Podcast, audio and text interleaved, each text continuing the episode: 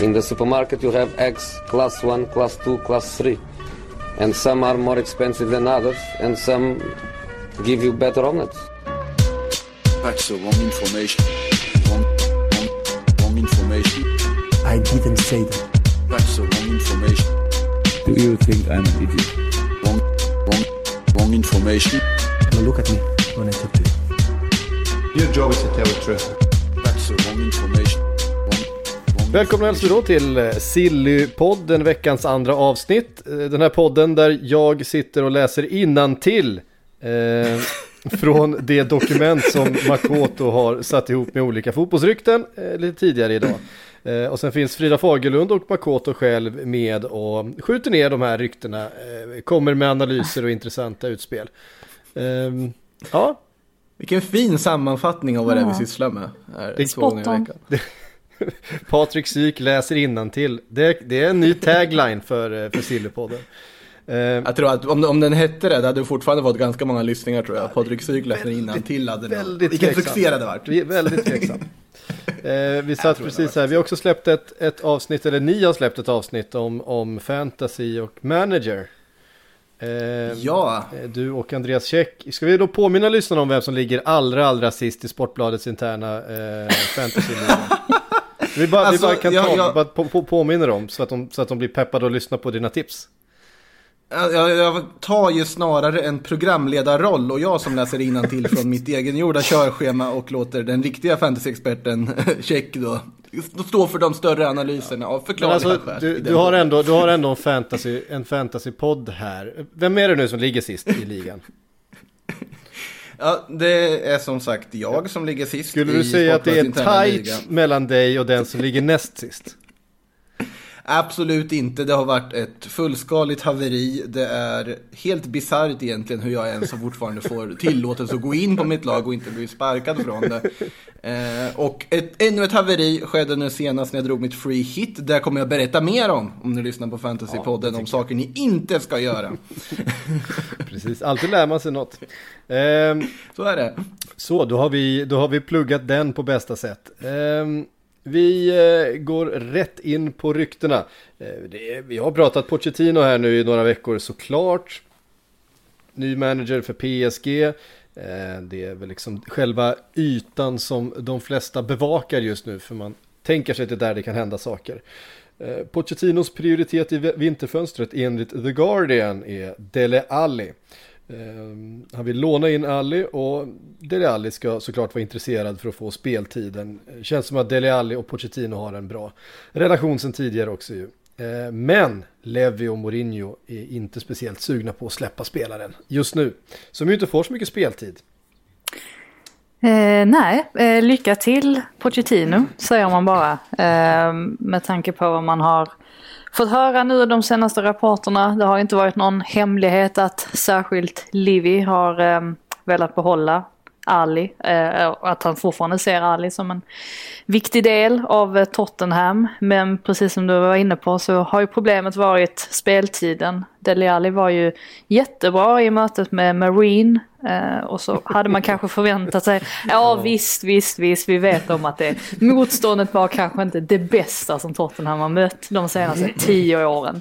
Men eh, hur som helst så eh, visade han i alla fall goda tendenser och en bra inställning så kan man ju säga.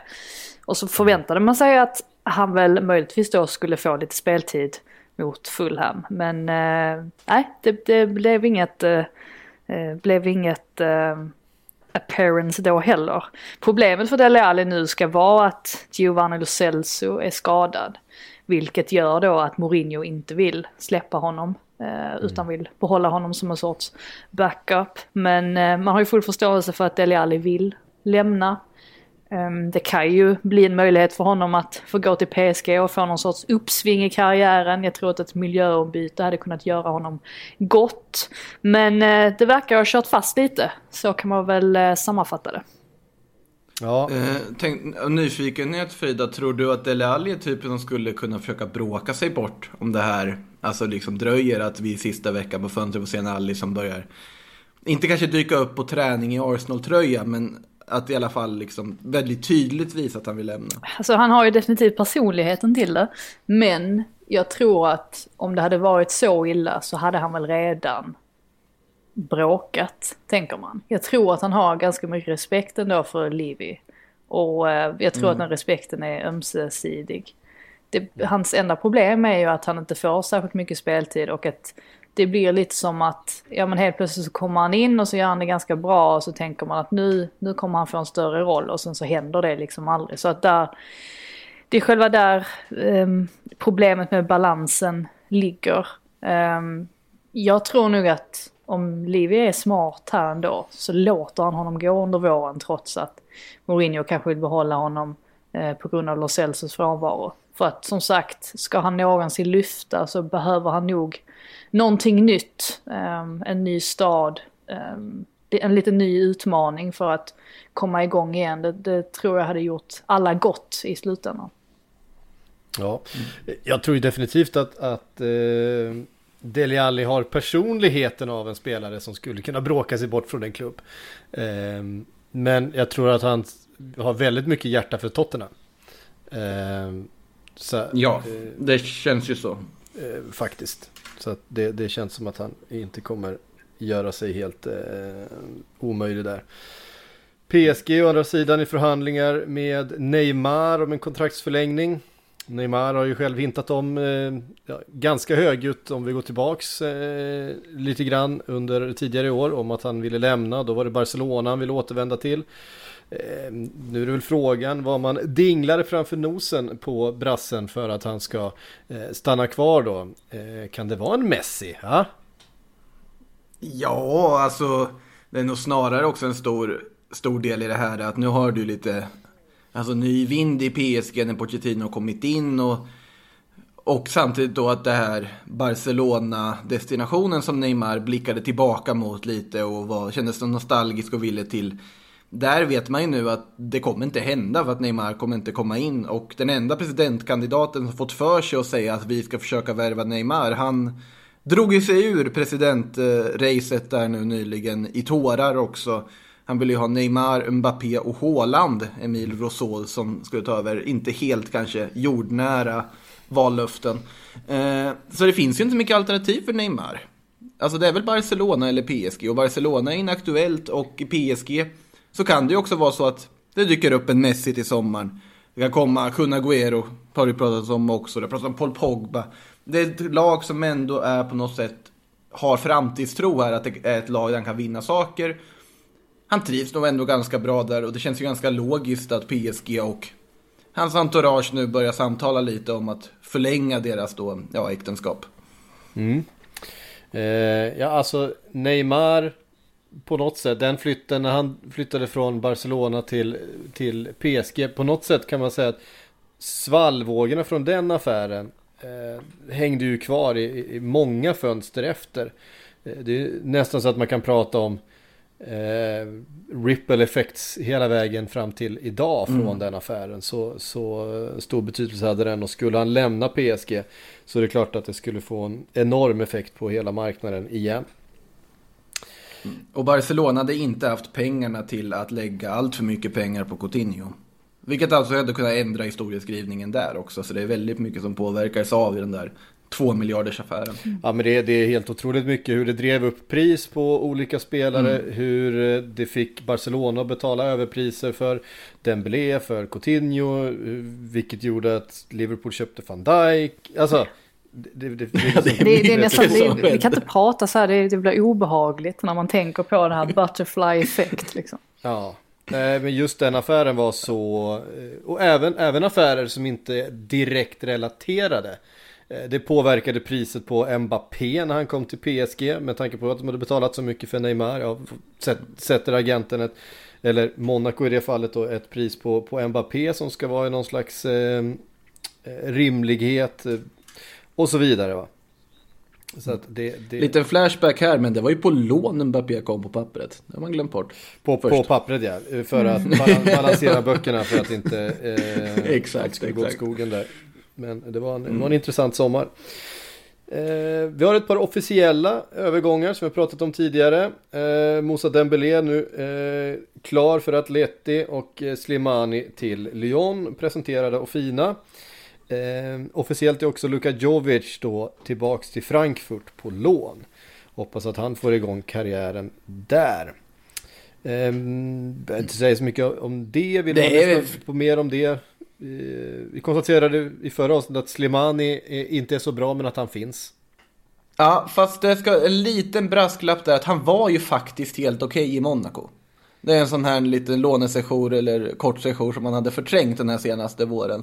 Att han gjorde en hel del mål där så att den är trött värvning fortfarande. En 32-åring som man inte tror på men han kanske fin- lite mer än finns ändå. Känns väl naturligt i så fall att det är en fransk klubb liksom som går in och hugger honom. Ja. Eh, Vi får väl anta att de ändå har gjort sin scouting, att de vet lite mer än vi kanske.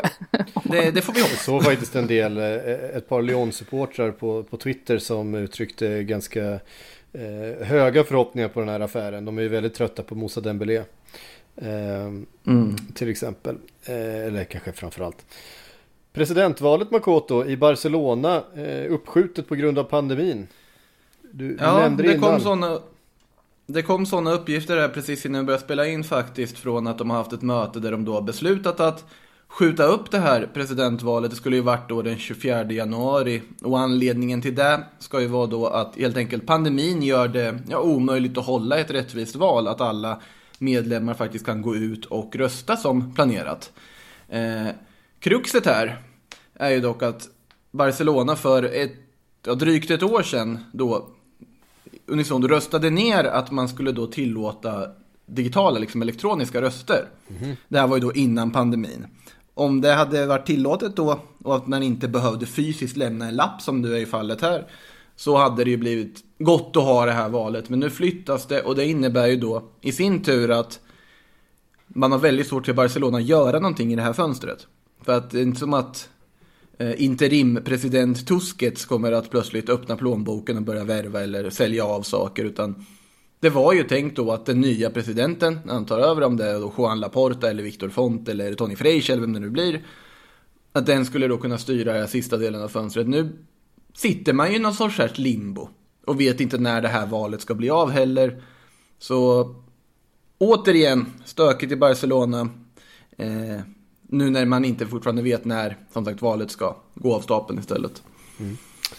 Ehm, stökigt i Barcelona har vi eh, vant oss vid. Eh, en liten bit eh, bort i Spanien hittar vi Madrid och Martin Ödegård som har det kämpigt i, i, i Real. Eh, ryktas att han vill tillbaka till Sociedad.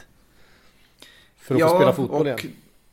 Det är ju uppenbart i alla fall så att Real Sociedad vill ha tillbaka honom. Förra veckan så trendade ju en hashtag ”Odeback” på spanska Twitter där Real Sociedad-fans då vill liksom pusha för att La Real ska plocka tillbaka Martincho som var så populär då under sitt lån i Baskien. Ödegård har ju, får inte spela någonting i Madrid. Nu när de förlorar mot Atletic Club i Supercupen igår så var det, det var ju nästan lite tragiskt. Han får ingen minut att spela, men den enda spelaren som blev beordrad av Zidane att göra så här efter matchen, nedvärmning på plan, var Martin Ödegård som inte hade spelat.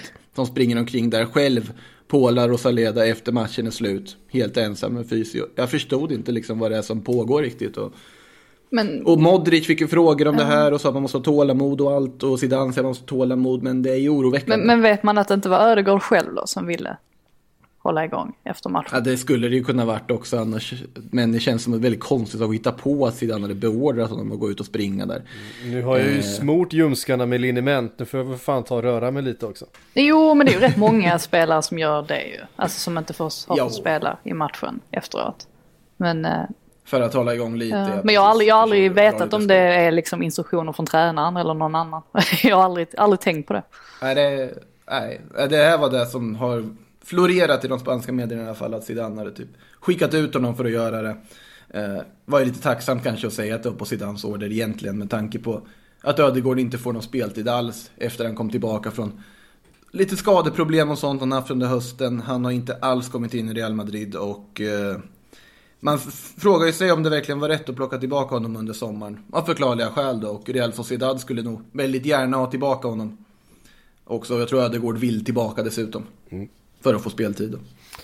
Ehm, Ja, vi lämnar Madrid där då och sen så tar vi oss eh, från den spanska huvudstaden till den eh, engelska huvudstaden. Frida, eh, där sitter du. Hej hej. Ja, hej, hej. Eh, tyska uppgifter dock. Kommer från Bildt. Jag gillar Eh, inte. Det, nej, det, det här får du gärna skjuta ner. För det här känns helt, helt galet.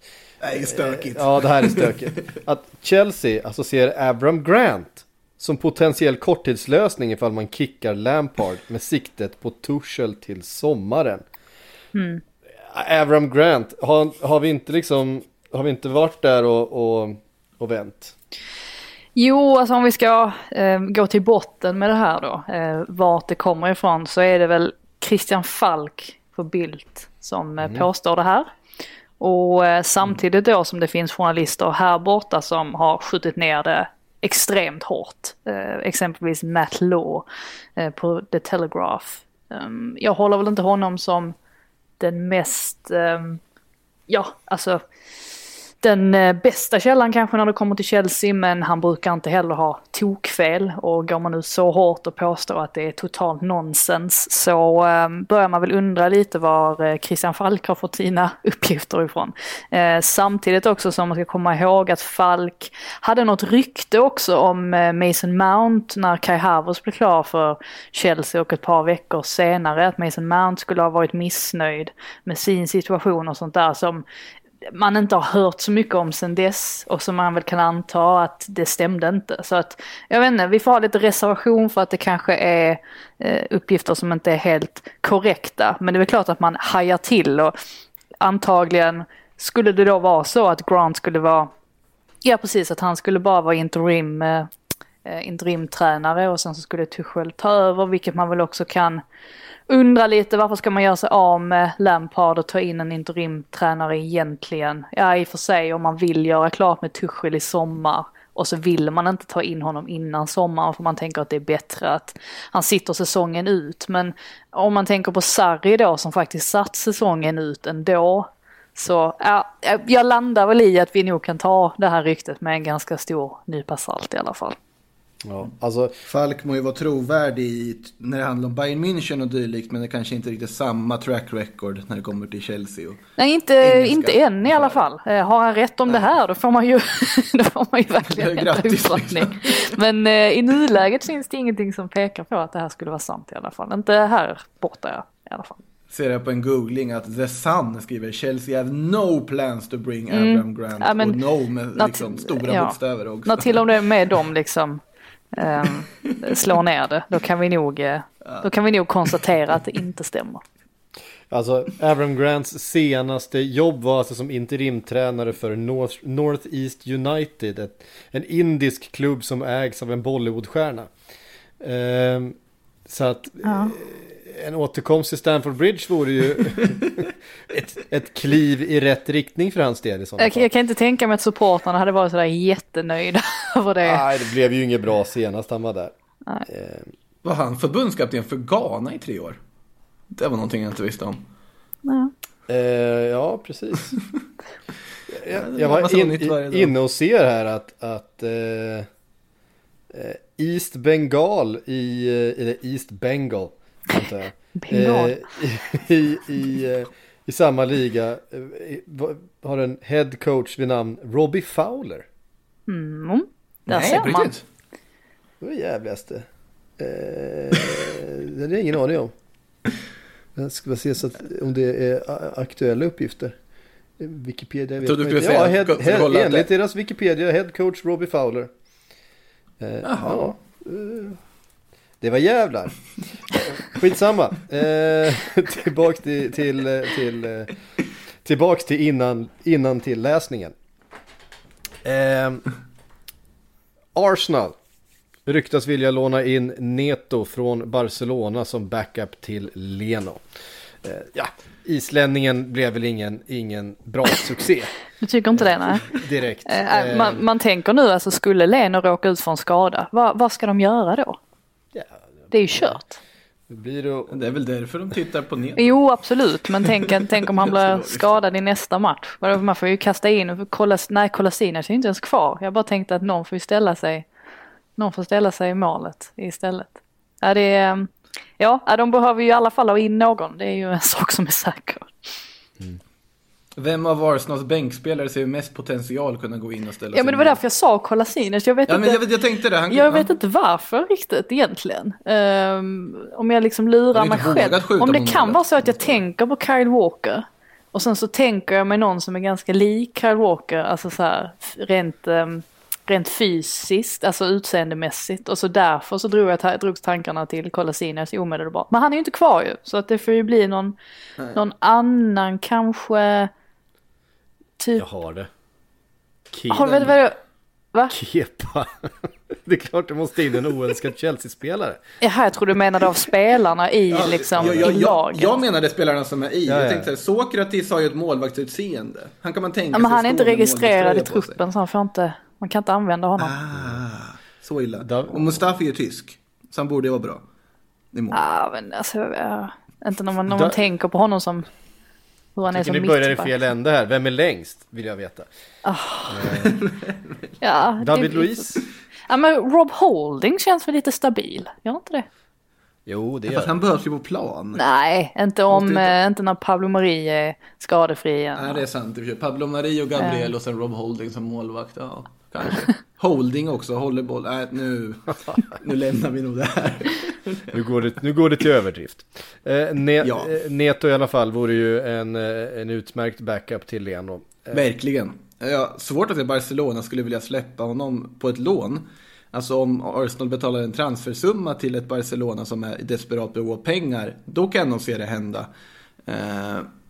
Men jag vet inte riktigt om Iñaki Peña är tillräckligt bra för att vara andra fiol i Barcelona heller. Men samtidigt tänker kanske inte Barcelona hela vägen dit då om de plötsligt ser en stor sedelbunt framför sig för en något åldrad Neto som är ett superbra andra alternativ. Men ja, inte helt eh, untouchable kanske i Barca heller. Mm. Eh, Mohamed Simakan är en spelare vi har pratat om i ett par avsnitt nu. Eh, nära Leipzig enligt Sky Germany. Eh, uppges vara överens om personligt avtal i alla fall. Eh, inget bud än så länge. Eh, och det känns som Red Bull Leipzig, nej förlåt, Rasenballsport eh, Leipzig förbereder sig för ett Upamecano-förväl. eh, Rasenballsport ja. Eh, Eh, och så är det det. gör det ju. Det har väl varit, eh, det har väl alla varit ganska på det klara med att Upamecano lämnar i sommar. Alltså det blir ju en intressant eh, sommar med Upamecano som nu med all säkerhet känns det väl som att någon klubb kommer köpa honom. Sen om det blir Chelsea, Liverpool eller Bayern eller vad det blir, det får man väl se. Och sen Sabitzer som dessutom också sitter i ett läge där han kan väcka Premier League-intresse. Vad de värvar in istället och hur de ska agera blir väldigt intressant att se till sommaren. Ja, och så det är lite kul också det här för att det blir ju som någon sorts kedjereaktion också. Om Simakan går till Leipzig, ja då innebär ju det att Milan har större chans att säkra Tomori till exempel. Det blir verkligen en sån, eh, ja, en, en, en kedjereaktion helt enkelt. Under, eh, det, det behövs att det liksom sker en värvning så att det sker ytterligare några under ett transferfönster. Mm. Mm. Eh, oj, nu gick det... Nu ska vi se. Måste jag. Jag satt här och googlade nämligen på vår nästa eh, Vårt nästa namn här. Eh, Min, ja, det, det, det Min förväntade Jai Kim. skulle ha. Precis, så gick Frida in och markerade i körschemat här också. Chelsea och Tottenham slåss om monstret. Sydkoreanen Min Jae Kim som just nu då tillhör eh, Beijing Guan. Eh, jag har ingen aning om vad det här är för fyr. eh, men han är lång Alltså, och det är ju tydligen vara- initialt ett Ja, ja. Han kallas Monstret. Ja, Och ska ju det. tydligen vara väldigt duktig. Sydkoreansk landslagsman som då 24 år gammal som ska ha väckt Premier League-klubbarnas intresse. Vi har pratat om honom tidigare i den här podden också. Om jag inte helt missminner mig. Och nu har det dykt upp igen då på ytan att Chelsea och Tottenham ska fightas om den här sydkoreanska mittbacken. Ehm, Jag sitter och funderar över behovet, men det är väl snarare som någon sorts komplement då till övriga mittbackar i truppen för, i båda fallen. Han är något så ovanligt som en sydkoreansk nickspecialist eh, av vad jag har förstått det. Eh, Nick speciell. Ja, den är ju lång. Ja, Bra- bra exakt. Jag tittar på, titt, jag tittar på hans, eh, jag tittar på hans eh, highlights på YouTube här. Det är mycket nickmål. Ja, tre, tre mål här under Grunden till, hela min, till he, hela min analys här. 26 Han har gjort sekunder på YouTube. Eh, Eh, Jag, jag, är, inte- jag, är helt, jag är inte såld än, eh, om man säger så. Men, men det kanske kan vara någonting. Ja. Han måste ju ha något om både Chelsea och Tottenham är där och, och nosar. Sen så vet man ju att, att till exempel en sydkoreansk spelare har ett, eh, ja som Son till exempel i, i, i Tottenham har ett, ett stort marknadsvärde. Eh, det, är en, det är en stor marknad, Sydkorea. Eh, så samma sak med japanska spelare som eh, kommer till olika klubbar. Och det hade väl varit Det ganska... finns ett adderat värde. Ja, absolut. Och det hade varit ganska naturligt då om Kim, om han hade haft Chelsea och Tottenham att välja på så kan man väl nog tänka sig att han hade valt Tottenham. Det är ju, eh, alltså koreansk media, eh, alltså de, de punktbevakar ju verkligen Tottenham. Det är alltid minst fem, sex sydkoreanska journalister på varenda Tottenham-match, bara på grund av Son. Så att man, man kan ju förstå då eh, vilken eh, enorm dragningskraft den klubben antagligen har i Korea. Då. Ja, om det är något de är bra på så är det att punktmarkera sina liksom, utlandsproffs. Ja. De, de värderas verkligen. Alltså Jisung Park när han var United var ju, var ju fullt sjå där borta också då. Alla var United-supportrar. Så att, att han går till Tottenham då cementerar ju Tottenham sin status borta i Sydkorea som de egentligen säkert redan har gjort. I det här fallet ska ju också då Beijing Guan vara ganska intresserad av att sälja till vintern i och med att då han inte har allt för lång tid kvar på kontraktet, den gode Kim. Så att man då ska få lite pengar för honom så kanske det är läge att sälja här till vintern. Så att kanske inte är ett dumt alternativ att ge honom chansen. Och en mittback med smeknamnet Monstret vill man ju ändå se i Premier League. Eh, ja, eh, verkligen. Vi har ju sett... Eh, ehm, nej, du blandade ihop det igen. Det var inget. Vad tänkte du på nu? Nej, vi, vi släpper det. Tomori. Ja. Närmar sig Milan. Eh, lån med köpoption. 30 miljoner euro. Eh, det hoppas få klart affären innan de närmsta dagarna enligt Romano. Eh, Får inte riktigt väl ihop det dock, ehm, på ett sätt. Um, jo, jag får ihop att uh, Tomori ska ut på lån. Alltså det har ju Frank Lampard bekräftat för länge sedan. Men däremot det här att det finns en köpoption får jag inte riktigt ihop på så sätt att Lampard har varit ganska tydlig med att Tomori fortfarande är en del av hans långsiktiga planer.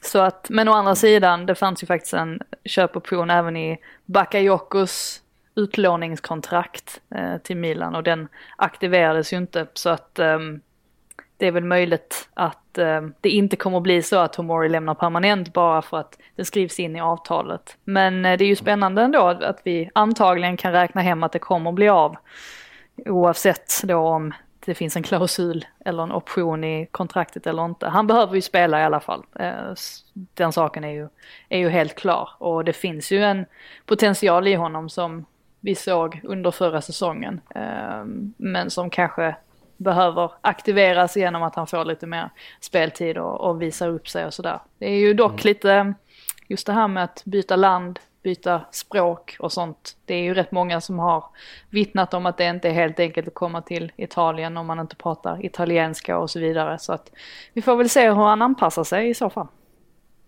Vi har ju ganska många exempel i närtid också på Premier League-backar som gått i Serie A och gjort succé. Jag tänker på Chris Smalling, till viss del Ashley Young också, så man kunde nog inte många ord italienska när han drog till Inter.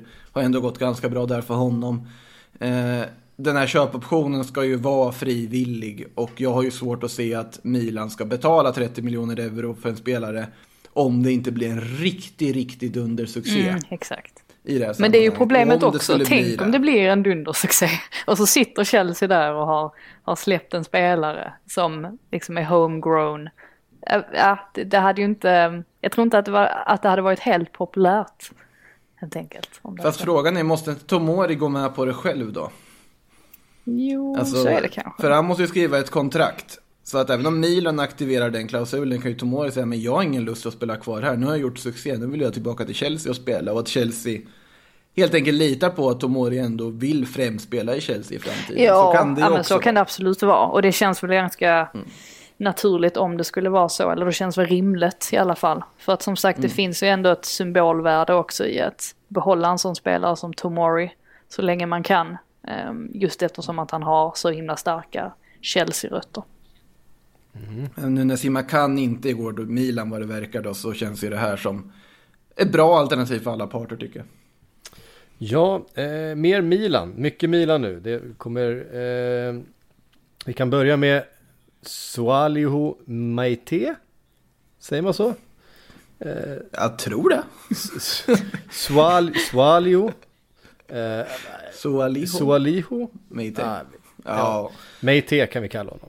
Eh, han är en innermittfältare i alla fall. Ja. Eh, också på väg till Milan då eh, på ett lån med köpoption från Torino. I eh, eh, det här fallet så ska det vara helt klart, inte eh, i förhandling. Eh, så ja, grattis till en genomförd affär Milan. Vi, jag vet, har du jättemycket att säga om Meite?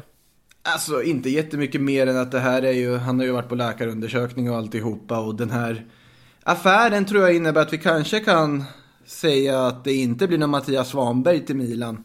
Eh.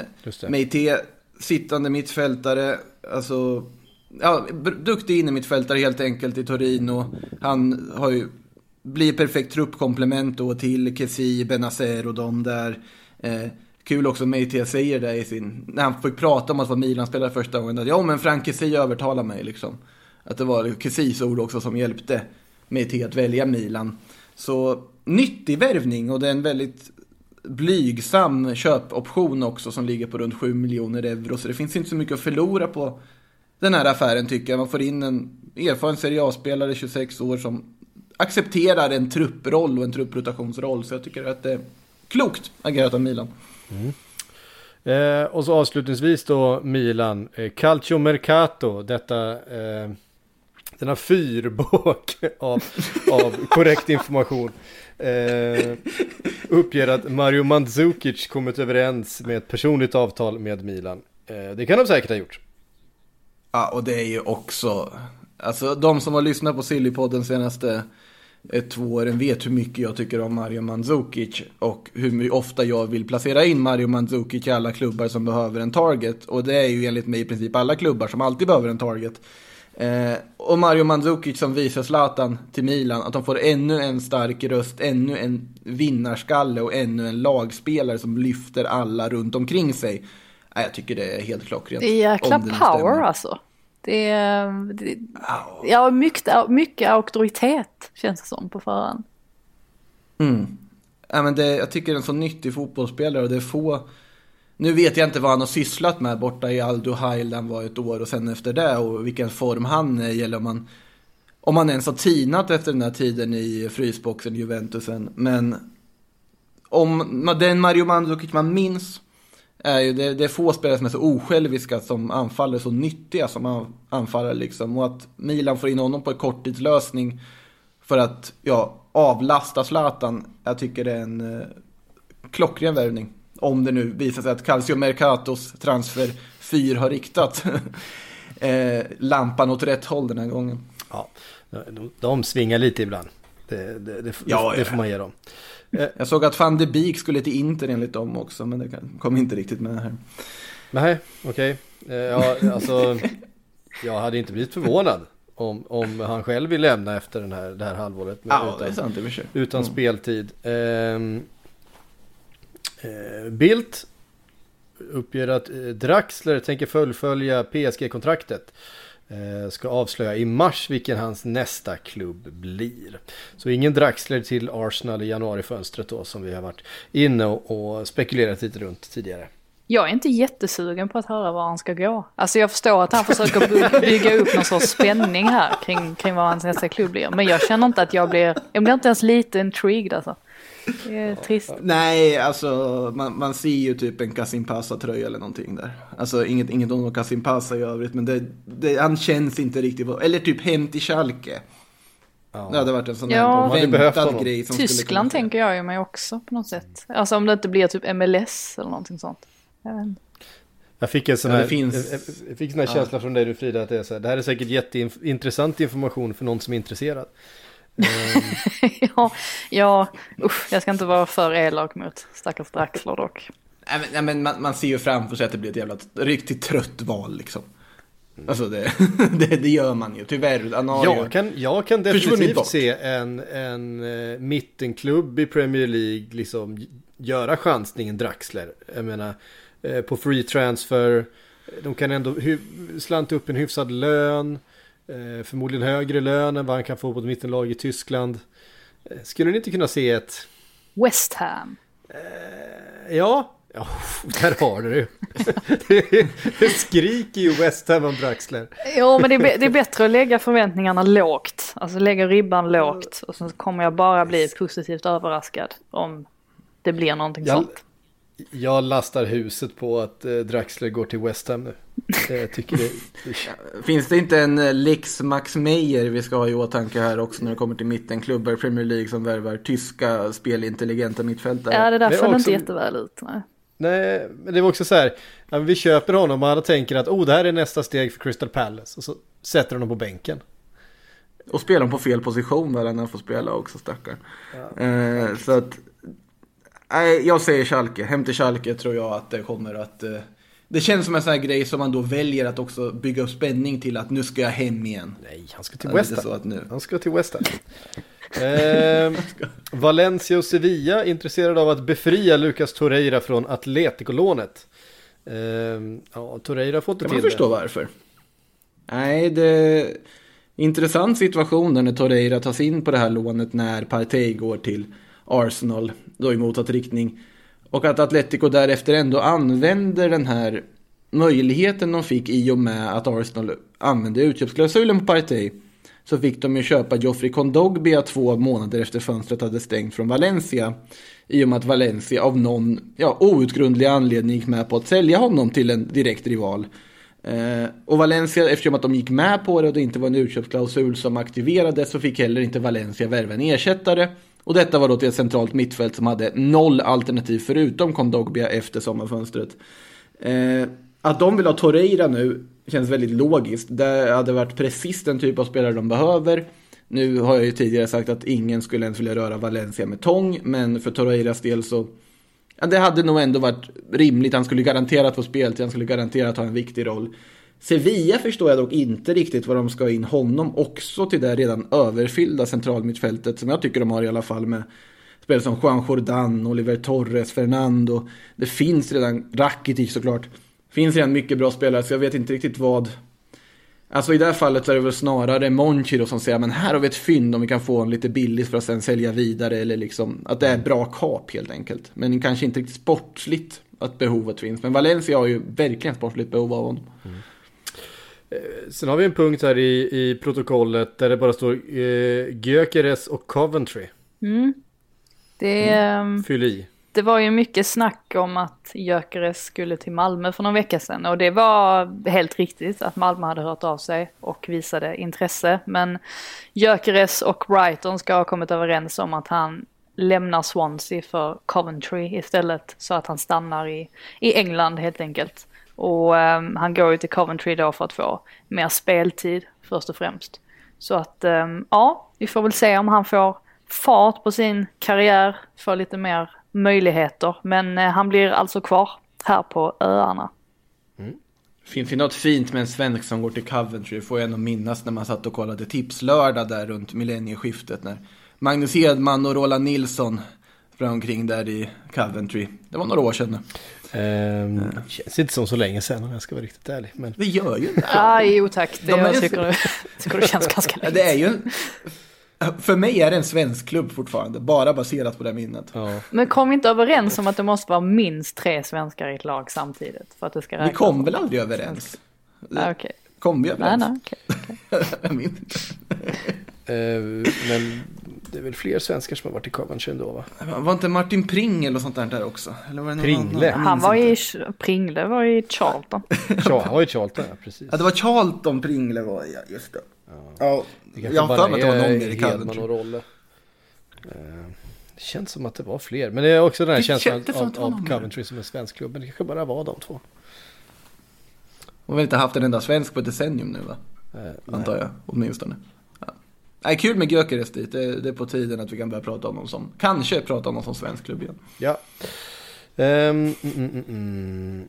Tillbaks till eh, listan. Oh, Jack Wilshere Frida, närmar sig ett Bournemouth-kontrakt. Har han något kvar i fötterna?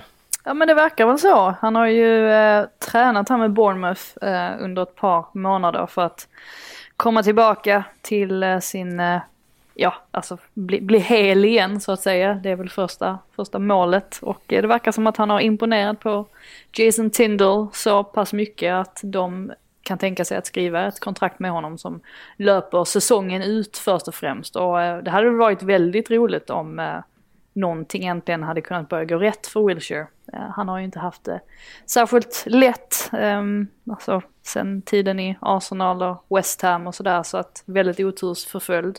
Så eh, förhoppningsvis för hans del så kan han få ett litet uppsving här i karriären möjligtvis. Ehm, eh, Talksport Frida, din favorit eh.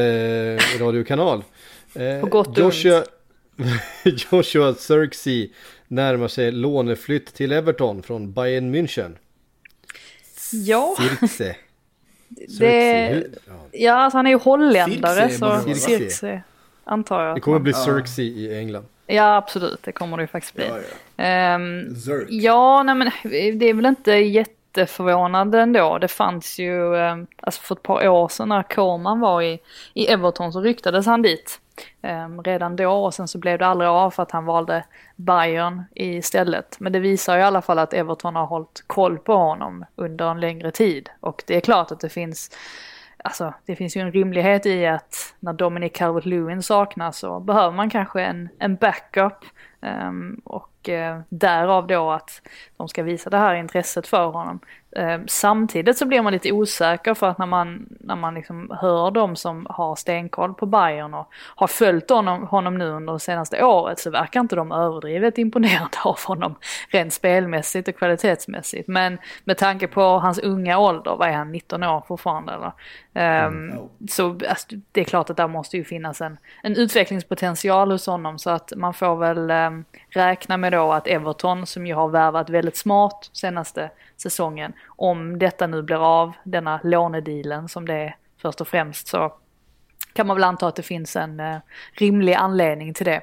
Ehm, så ja, Alltså, jag ser ju inte, alltså, ser ju inte Everton som ett bra steg för honom riktigt. Det är inte som att han han blir ju har backup. visat tillräckligt. Ja, han har knappt visat tillräckligt för att vara en backup i ett lag som Everton med de ambitioner de har idag. Att det hade nog varit bättre för honom att få en lånesession till Zweite eller till en sämre klubb i Bundesliga utan att, utan att ha koll på truppsituationen och typ säga bara Armina Bielefeld eller något. Ja, och sen så ska man ju Eh, tillägga det också att just med Talksport. ehm, ja, alltså det, det är väl lite svävande kring huruvida de har bra ingångar eller inte. Det kan vara, det är väldigt högt och lågt från dem. Så att ehm, så länge det inte kommer, kommer ut på någon annan sida, typ The Athletic eller sådär, så eh, kan man väl tänka sig att det kanske bara är snack just nu. Ja. Alltså Vitesse känns som en sån här klubb som skulle kunna låna in honom. Ja, men det är Men han sådär. spelar inte det, för Chelsea. Det är det. Nej, precis. Jag tänkte Ja, sant, precis sant. säga att det, dit går man när man spelar för Chelsea. Ah, vi måste, det glömde jag lägga in i körschemat, men Lucas Lucas. Piasson måste vi väl nämna. Ja, men Ja. gör det då. Det, Ja, trotjänaren. Äntligen eh, lyckades han ta sig loss höll jag på att säga. Nej men eh, har varit där i tio år. Det är ändå rätt eh, sanslöst. Men fick väl till sin övergång nu till Braga var det väl han skulle till. Ja, Så att eh, grattis klubben som, eh, klubben som Lazio förväxlade sin nota för Pedro Neto på och skrev Sporting Lissabon istället Det kan ju inte ha varit sant. papperna. Det, Jo, jo, de har ju bekräftat att det var Ja, sant. det verkar- nu var det så pengarna hamnar ju rätt ändå, men i officiella bokföringen så hade de skickat pengar till Sporting Lissabon istället för eh, Sporting Braga. jag hade inte Helt sagt någonting om jag var Sporting Lissabon. Jag har bara legat lågt. Det är ju inte nödvändigtvis så att det var de som sa någonting i sammanhanget, men nej, det, det stämmer. Men eh, just det, Piasson i alla fall, jag såg någonting om att han skulle ha varit en spelare i Chelsea som har varit där längst tid i klubben när de aktiva till och med. Mm. Spelade en match totalt. Nej, tre otroligt. matcher gjorde han väl. Tror jag. Gjorde han tre? Jag tror det under 2012. Det var ju problem också när han kom dit för att han fick ju inte eh, arbetstillstånd. Han kom ju redan 2011 och sen fick han vänta till 2012 om jag inte misstar mig nu helt. Jag tror att han Mm. gjorde tre matcher. Det kan ju ha varit så att det var en ligamatch och sen så två cupmatcher. Jag vet inte, jag har bara siffran tre i huvudet. Men det, ja, det, det kan väl kanske stämma med en Premier League-match då. Mm. Ja. ehm, oh, Kevin Stråtman. Eh, minns när eh, han var rätt färsk i, i, i Roma. Och eh, vi gjorde, jag gjorde podd med Kristina Kapelin. Det här är många år sedan alltså. Ja, det, det 20. låter som att det var många år sedan. Ja, fast fast du, du tyckte ju att Roland Nilsson och Magnus Hedmans Coventry-session var typ nyss. Så att, men jämför med det så är det väl inte så länge sedan ändå. Ja, vi gjorde någon slags inlästa krönikor ihop med, med ja, Kapelins krönikor tror jag vad hette. Eh, 2013 kanske? Eh, något sånt där. I, i, i begynnelsen utav det som sen blev Aftonbladet Podcast. Eh, och hon var helt förtrollad utav Kevin Stråtman. Eh, romanista som hon är. Eh, varannan krönika handlade bara om den här, den här majestätiske mittfältaren. Eh, Hon var bra med orden alltså. Hon är fortfarande bra med orden. Men väldigt är sådär fantastisk. beskrivande.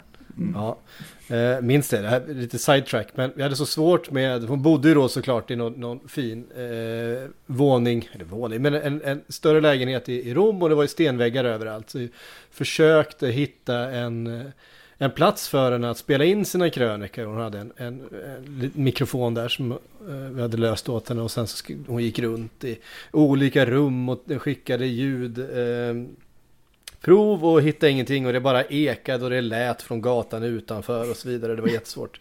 Till slut så hade hon letat sig upp på vinden och satt i en eh, liksom, garderob där det fanns pälsar. Eh, liksom undan, undanstuvade pälsar tror jag. Eh, där så hittade hon en liten låda hon kunde sitta på och läsa in sina, eh, sina texter. Så jag är en av, en av få som har fått Kristina Kapelin att sätta sig på en låda inne i en garderob på en vind eh, för att utföra sitt jobb. Och det är väl, och det är väl Kristina Kapelins garderob som är inofficiella föregångaren till vår nya poddstudio. Ja, exakt. Det, det var, Inspirerad det var av bet, det. betaversionen liksom, var det. Eh, det, var ett, det, var ett, det var ett sidospår. Eh, Kevin Stråtman i alla fall tillbaks i Italien då efter en eh, vända i Marseille. Eh, klar för Genoa. Eh, vackra Genoa. Kan man ju Och tänka jag som sig. tänkte när jag... Ja, det, Genoa wheelar ju och dealar ganska rejält också. Stråtman har ju ändå visat tidigare i Serie A att han kan leverera i just Serie A. Så den känns väl logisk för alla parter.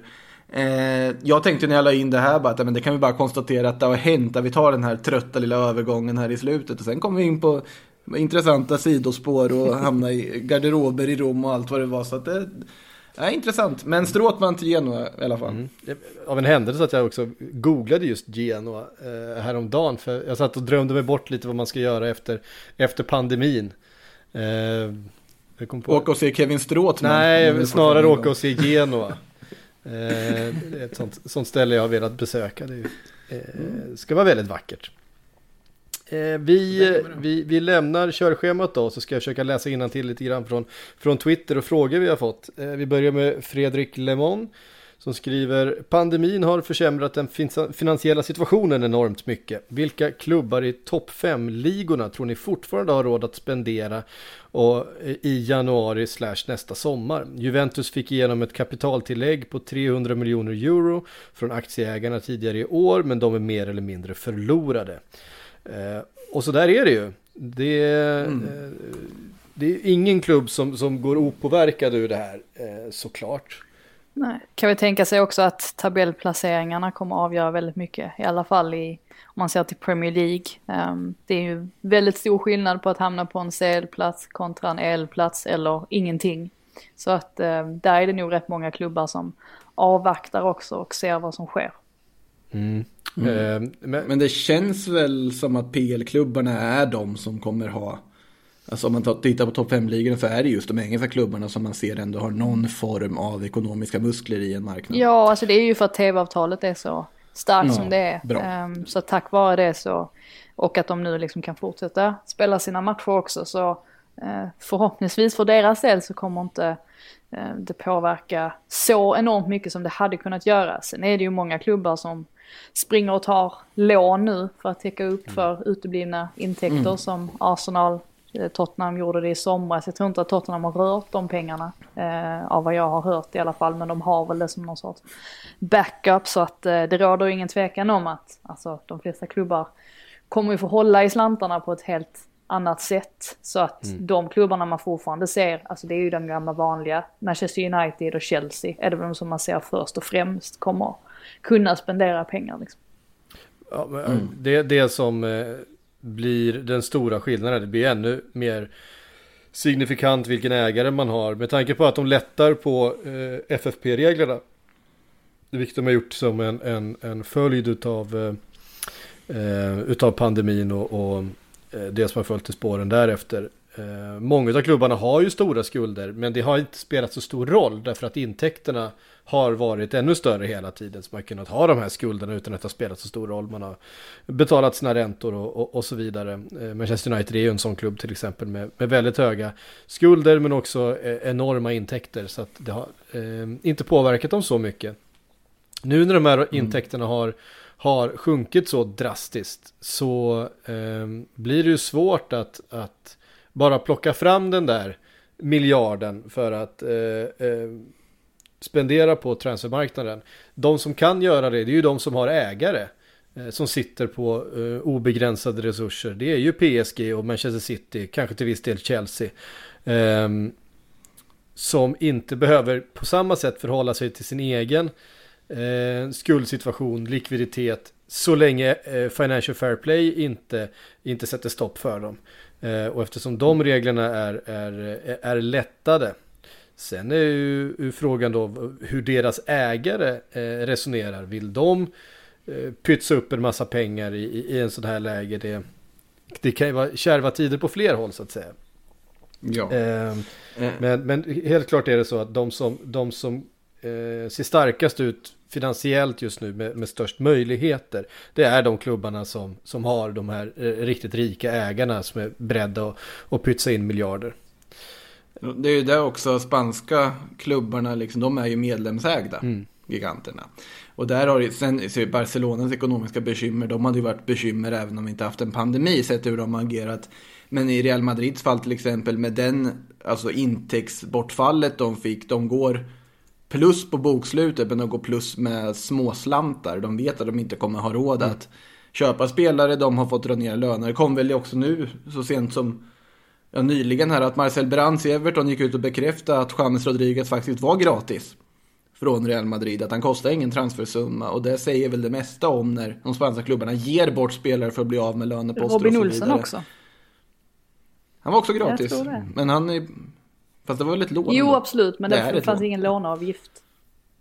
Ah, nej. Eh, och Bale så är det väl att det kostar väl nästan för Real Madrid. Liksom. Tottenham får ju honom på nåder med att betala lite av lönen. Eh, det också säger väl mycket om det här med att många pratar om att Barcelonas fall så är ju supercupen som spelas nu otroligt viktig. Och det är inte bara för att få en titel utan för att det finns prispengar. Att det, de var i ett läge där när de slog Real Sociedad i straffläggningen här i semifinalen nyligen. Att ja, men vi är nog i ett läge där Barcelona var i mer behov av med prispengarna man får från att gå till final. Och nu pratar vi kanske så här, ja någon, någon miljon eller något. Än vad Real Sociedad är sett till de enorma skulder som i vissa håll uppges ligga på alltså närmare 10 miljarder kronor för Barcelona som de måste hantera. Att varenda liten slant de kan få är helt vital för hur de ska kunna fortsätta och faktiskt inte riskera att hamna i en ännu värre plats än vad de är just nu. Så det är ju oroväckande tider och tror inte vi har sett slutprodukten av effekterna liksom som den här pandemin kommer ge rent ekonomiskt på många storklubbar. Det är, Fredrik nämner här om Juventus också. Att ja, de peng, kapitaltillägget bara poff försvann och vi ser ett Juventus som försöker låna in spelare med köpoption från Serie A-konkurrenter och intresserar sig för Graziano Pelle och saker. Det, de mår inte bra. Alltså sydeuropeiska toppklubbar, de mår verkligen inte bra just nu. Nej. Um, och det, det kommer ta flera fönster uh, innan vi ser någon slags uh, upphämtning av det, den dippen som har varit.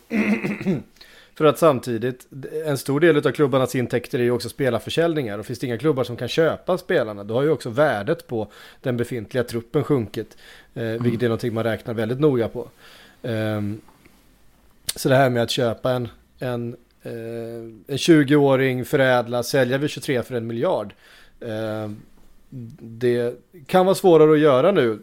Spelaren kryper närmare sin, eh, slutet på sin, sitt kontrakt. Eh, därför att han går inte i det fönstret man har tänkt sig. För man hittar inte en lämplig köpare. Man får mindre pengar. Alltså det, det, det blir många följdeffekter på, på det här. Eh, Ledley Kings knä eh, undrar. Eh, vad är mest silly? John Cleese silly walk eller Eriksen till Arsenal? Alltså, jag fick liksom Alltså. tänka efter, vad fan är John Cleese? Tänkte jag. För, Och sen, Nej. Jo, men så, Nej. så kom jag på det för att, för att jag minns för några veckor sedan så, alltså blicken jag fick av min kompis när jag refererade till John Cleese som eh, nearly headless Nick från Harry Potter istället för allt det andra han har gjort. Det var, eh, det var obeskrivlig, eh, den blicken. Så att jag kan liksom inte riktigt ta den här referensen. Jag vet inte om jag är för, är jag för obildad eller för ung? Jag vet tror jag, inte. alltså, själva referensen är ju äldre än vad jag är. Ja, okej. eh, Ja, fair enough. eh, ja. Ehm, Department of Silly Men- Walks, en, en sketch från Monty Python. Ska vi datera den till 1973 kanske? Jag antog att det var Monty Python det, det handlade om. Ja, det är det ju. Eh, Eh, ja, Eriksen till Arsenal då? Nej, det har ju svalnat helt. Man Ja. har inte hört någonting om det. de Eh. Veckorna, så att vi kan Jo. väl anta att det inte kommer ske. John Cleese, Silly Walk är ju odödlig liksom. Monty Python är odödliga. Men eh, Christian Eriksen till Arsenal där Men är det så kul stendött. ändå, Monty Python? Jag tycker inte att det är... Det är ju det. Det är ju faktiskt kul. Jag. Det är ju det. Ja, det jag tycker det är fantastiskt. Men, eh, men, ehm, eh, ja. Eller tvivlar ni på Monty Pythons storhet alltså? Inte för ett, i, inte för ett ögonblick. Nej. Men jag respekterar att, att, att andra kan eh, göra det. Eh, Ja, och jag tycker det var ändå fint att eh, hans insats i Harry Potter-filmen ändå fick lite ljus där. Ja, eller hur? Det, det, det är... Fast det var ingen minnesvärd roll kanske så, men ja, det är det första jag tänker på i alla fall. Basil Fawlty tänker jag på också om man bortser från Monty Python. Ja, just Ja, det. Ja. Jo, men man känner väl igen detta, men mm. förträngt det. han, han har gjort ganska mycket. Eh, Han, han har haft en del. Lee kanske, Dixons Right Shoe skriver Vem får sparken först? Arteta, Mourinho, Parker, Lampard eller Wilder? Alltså, Vem han blir kan- näst... Men- Wilder kommer inte få sparken. Men, det- menar han verkligen Scott Parker? Ja, det tror jag ja. Vilken annan Parker? Uh, jag tycker att det är, det är helt befängt i så fall. Alltså Fulham så som de har spelat de senaste, den senaste månaden. Jag tycker att det är en av de största överraskningarna i Premier League. De är, alltså de har verkligen åtgärdat alla sina problem från premiären mot Arsenal. Och är ett helt annat lag jämfört med då. Jag tycker snarare jag är jätteimponerad över hur Scott Parker har fått ändring på det eh, så pass snabbt ändå. Så jag räknar nästan med att de klarar sig kvar i Premier League den här säsongen. Det tycker ju nästan att alla andra i så fall, förutom honom, eh, hänger löst. Sen är ju Wilder, han blir uppbackad av ledningen och ägarna och sådär så att han lär väl inte försvinna. De kommer åka ur med honom som tränare antagligen och försöka ta sig upp igen. Men eh, jag tycker definitivt att Parker borde uppmärksammas mer för sina bedrifter. Steve Bruce kanske vi ska lägga in som namn istället där. Ja, faktiskt. Där hade, hade vi kunnat byta ut. Ehm, Lampard. Avram Grant in. Ja, men Lampard ligger ju, man sitter alltid risigt på det när man tränar en klubb som Chelsea och det går lite halvdant. Så att ehm, absolut, han känner säkert pressen. Sen tror jag att han kommer få mer tid än vad många andra tränare har fått i, i Chelsea. Han måste ju få ordning på det snabbt. De möts ju faktiskt här nu ju, Chelsea, Fulham. Så vi får väl se hur det slutar. Vad gör Gus Hiddink nu för tiden? ja, bra fråga. Gissa på Kina. Vill ha in Allmän fundering. Som... Ja, ja, det vill man ju alltid ha. Eh, Nej, men om, om, eh, om, eh, ehm, om Chelsea plockar in Avram Grant från North East då. Eh, då får väl eh, Newcastle ta in Robbie Fowler från, vad heter de? Någonting Bengal. Bengal. East Bengal. Ja. Eh, Eh, Gus Hiddink tränar Curaçaos landslag. Visste inte ens att de hade ett landslag. Det var spännande. ja. Eh, det är enligt eh, Transfermarkt i alla fall. intressant. Ja, Säger man då vet vi det curacao? också. Jag har alltid sagt curacao. Curacao, Det kanske är fel. det kan nog stämma. Nej, jag vet inte. Jag Det, vet. det är nog rätt. Alltså, mi- mitt uttal på saker är inte perfekt, men jag skyller på mitt japanska påbrå. Vad jag- skönt att ha en ursäkt. Jag skyller på min skånska alltid. Alltså, jag kan lika gärna skylla på mitt svenska påbrå liksom. Det är som när man skyller, skyller trötthet på jetlag efter man har varit i Finland. Du som har dubbelt påbrå, du borde ha bättre förutsättningar. Mm, faktiskt. Eller, eller dubbelt sämre, beroende på hur man ser det. Så man ser glaset som halvfullt eller halvtomt. Ehm, avslutande frågan. Andreas Eriksson skriver, blev Bayern München den stora vinnaren i Thiago-affären? Nej. Nej, jag tycker vi, vi får nog eh, vi får ge Thiago en chans också. Känner jag. Ja, juryn är väl fortfarande ute där. Eh, han har ju mest varit skadad. Ja. Kanske nu mot Manchester United. Who knows? Om nu Ja. Jordan Henderson startar bredvid Fabinho. Vilket Då lär jag, vi nog se honom där. precis, jag Ska ju tilläggas att ersättaren Mark Rocca har ju inte direkt fått så mycket speltid eller rosat marknaden i Bayern München hittills heller. Nej. Så, och München är det, det är väl lite svajigt där ändå när man åker ur kuppen mot Holstein Kiel på straffar här i veckan. En riktigt uppfriskande skräll från Tyskland. Så att, Ja. Och Thiago har ju varit väldigt bra när han väl har spelat. Mm. Verkligen. han är ju en helt fantastisk fotbollsspelare så jag tror att där måste han bara faktiskt vänta på att han får vara helt... Han har ju haft som sagt covid-19 och det är ju svårt för vissa spelare att komma tillbaka från det också.